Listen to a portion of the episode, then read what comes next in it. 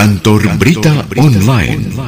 Kabar 65news.com Menembus Peradaban. Salam jumpa sahabat bersama saya di podcast KBO Kabar 65news.com edisi kabar hari ini. Secara resmi, pemerintah telah menetapkan 15 wilayah di Indonesia darurat PPKM atau pemberlakuan pembatasan kegiatan masyarakat terkait dengan perkembangan kasus COVID-19 yang saat ini masih terus melanda Indonesia. Di antara ke-15 wilayah yang telah ditetapkan sebagai darurat PPKM itu adalah Pontianak dan Singkawang, Kalimantan Barat. Berikut keterangan resmi dari juru bicara Kementerian Komunikasi dan Informatika Republik Indonesia, Dedi Permadi. Hari ini Sabtu 10 Juli 2021, saya akan menyampaikan perkembangan terkini terkait dengan implementasi pemberlakuan pembatasan kegiatan masyarakat atau PPKM darurat. Bapak Ibu sebangsa setanah air, perkembangan kasus COVID-19 masih menunjukkan peningkatan yang eksponensial, termasuk di luar Jawa dan Bali. Berdasarkan arahan Presiden Bapak Joko Widodo, untuk beberapa daerah di luar Jawa dan Bali juga perlu diberlakukan PPKM darurat. Penentuan wilayah yang perlu diberlakukan PPKM darurat didasarkan pada parameter sebagai berikut. Pertama, tingkat keterisian tempat tidur atau BOR mencapai lebih dari 60%. Kedua, terjadi peningkatan kasus aktif secara signifikan. Ketiga, pencapaian vaksinasi masih di bawah 50%. Dengan mempertimbangkan penilaian terhadap semua parameter tersebut, pemerintah menetapkan 15 kabupaten kota di luar Jawa Bali yang harus menerapkan PPKM darurat, yakni pertama, Kota Tanjung Pinang, kedua, Kota Singkawang, ketiga, Kota Padang Panjang. Keempat, Kota Balikpapan. Kelima, Kota Bandar Lampung. Keenam, Kota Pontianak. Ketujuh, Kabupaten Manokwari. Kedelapan, Kota Sorong. Sembilan, Kota Batam. Sepuluh, Kota Bontang. Sebelas, Kota Bukit Tinggi. Dua belas, Kabupaten Berau. Tiga belas, Kota Padang 14 Kota Mataram, dan 15 Kota Medan. Pengaturan ini mulai berlaku pada 12 Juli 2021 sampai dengan 20 Juli 2021. Pengaturan pembatasan kegiatan masyarakat di kabupaten kota di luar Jawa Bali yang menerapkan PPKM darurat ditetapkan sesuai dan sejalan dengan PPKM darurat yang berlaku di Jawa Bali sesuai dengan instruksi Menteri Dalam Negeri nomor 15, 16, dan 18 tahun 2021. Bapak Ibu sebangsa dan setanah air, atas arahan Bapak Presiden Joko Widodo, TNI akan turut membantu melakukan penanganan pasien COVID-19 yang tidak bergejala atau bergejala ringan.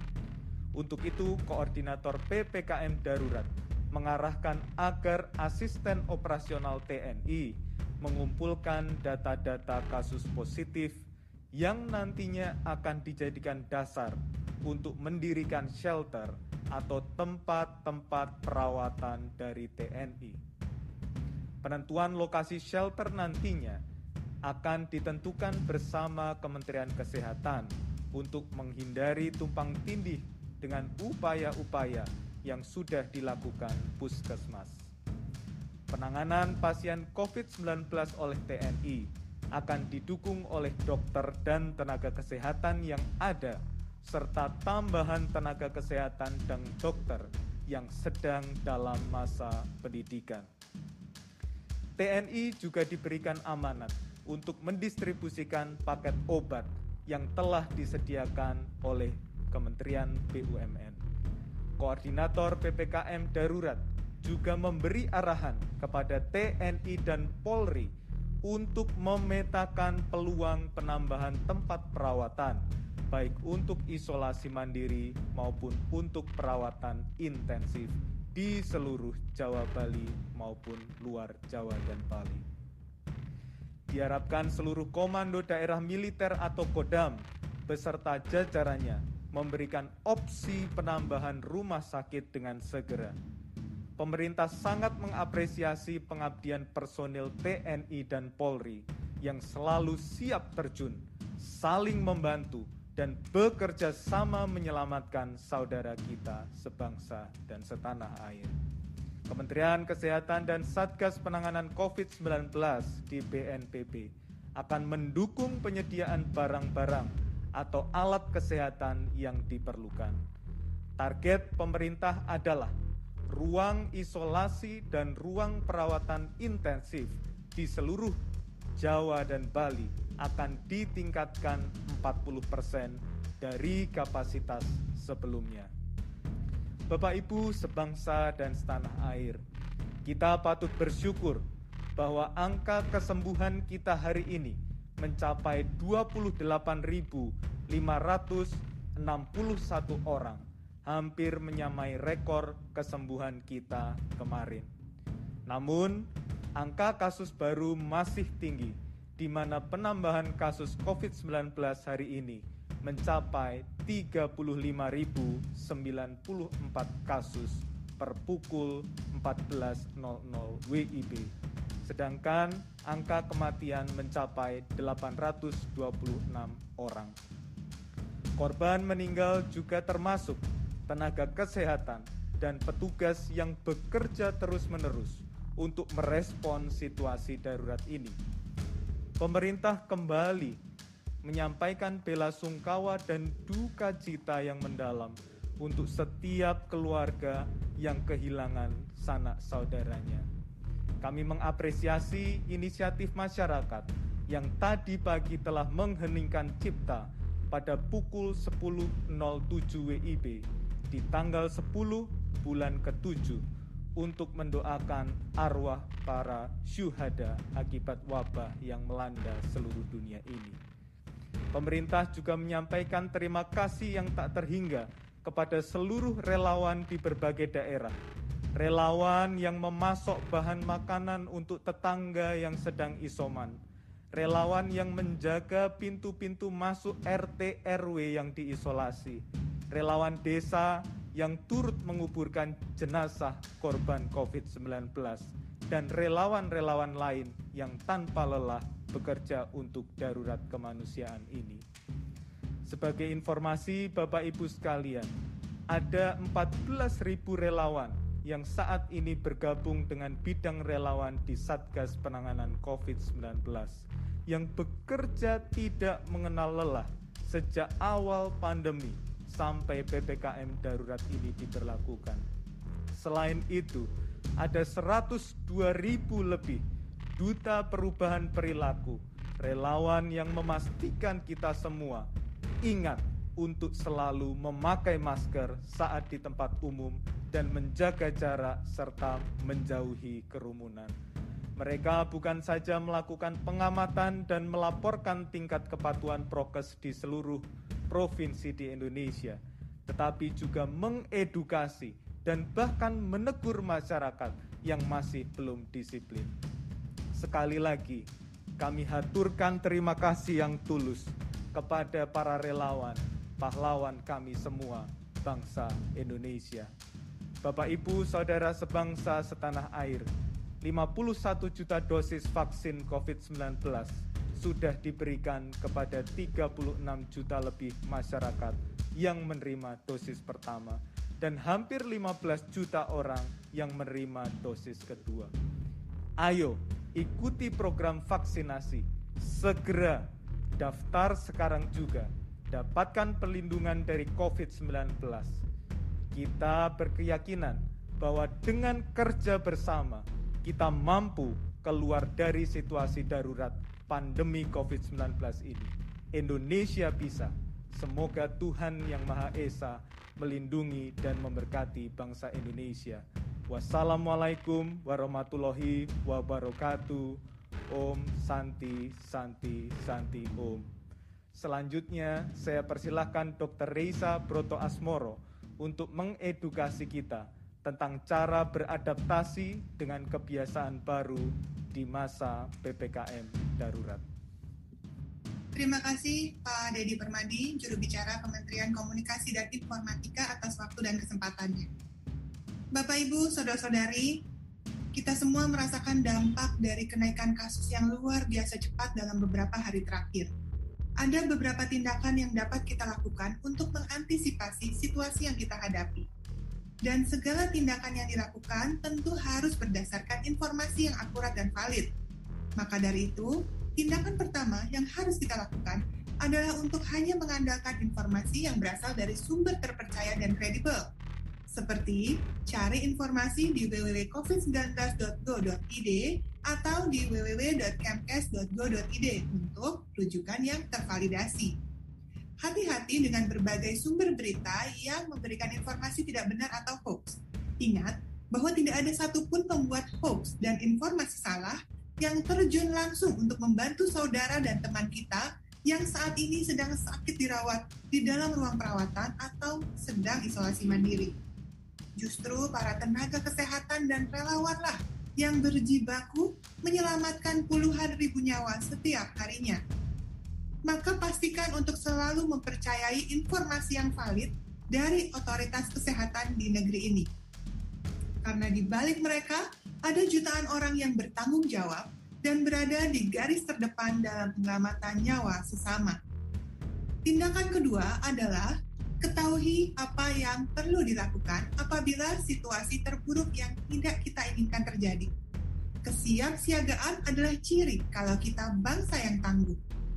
Dalam konteks penularan virus corona varian Delta yang lebih cepat menular ini, maka ketahui cara pencegahan yang efektif.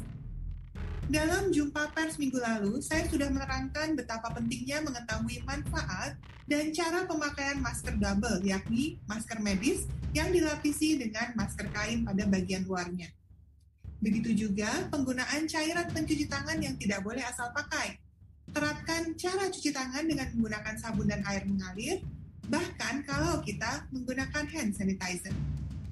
Dalam kesempatan ini, saya juga ingin menyampaikan tips dan trik apabila hasil tes COVID-19 Anda dinyatakan positif, tapi Anda tidak merasakan gejala serius yang membutuhkan bantuan medis atau tanpa gejala sama sekali.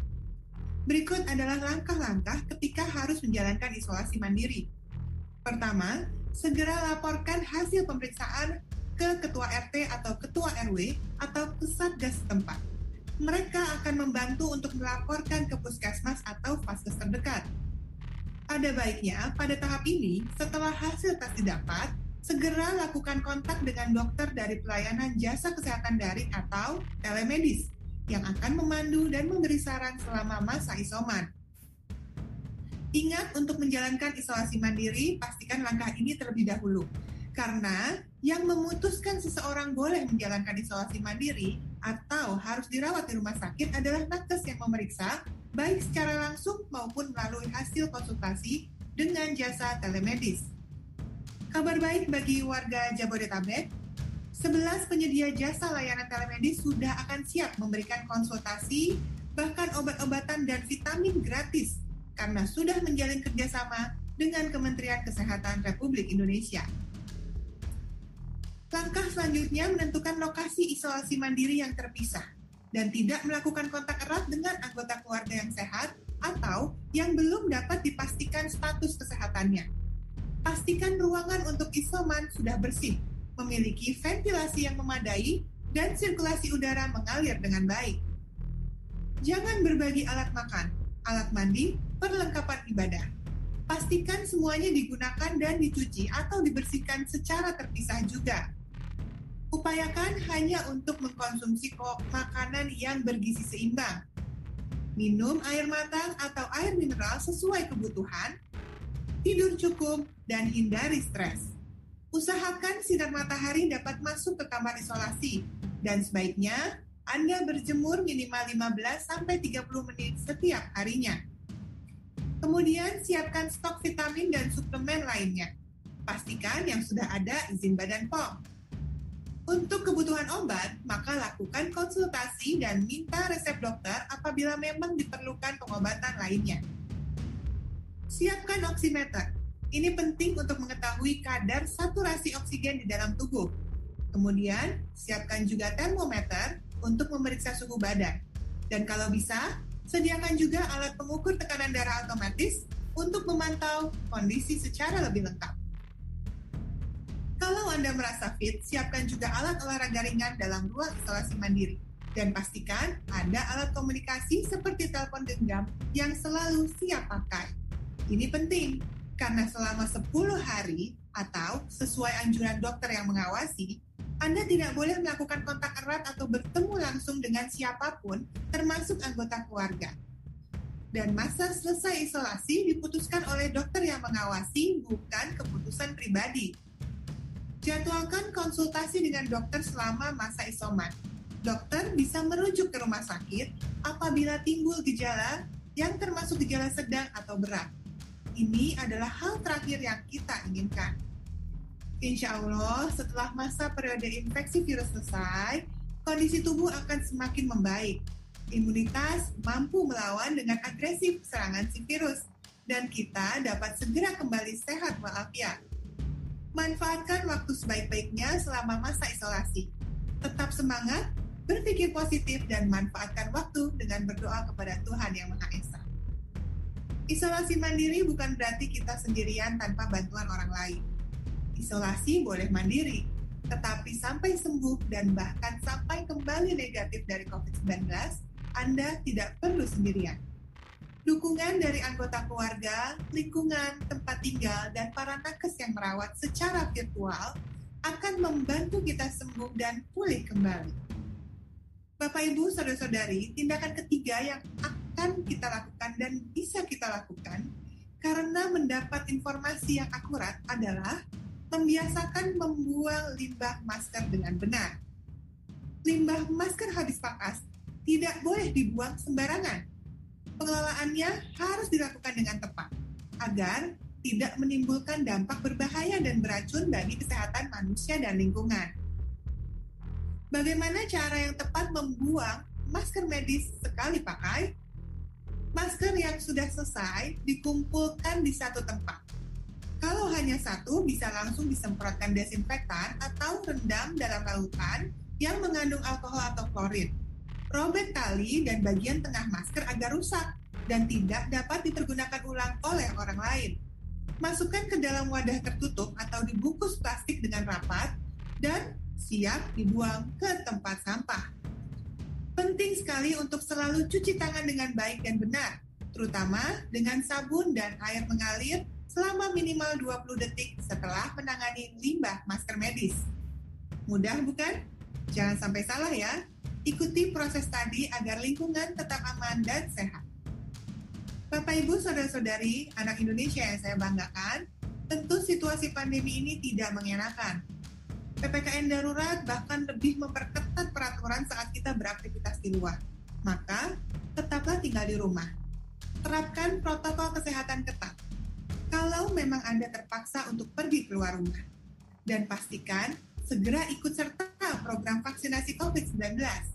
Daftar dan antar para lansia yang perlu dibantu, dan temani jadi saksi bersejarah hidup mereka. Ketahuilah bahwa dengan suksesnya program vaksinasi COVID-19 yang merata di antara masyarakat Indonesia, akan membuka kembali peluang berjumpa dengan orang tua, anak, dan cucu, serta orang-orang tersayang lainnya. Demikian kabar hari ini. Kita akan jumpa kembali di lain waktu dan lain peristiwa. Saya Halim Anwar pamit undur diri. Terima kasih atas perhatian Anda dan sampai jumpa. Kantor Berita Online Kabar 65news.com Menembus Peradaban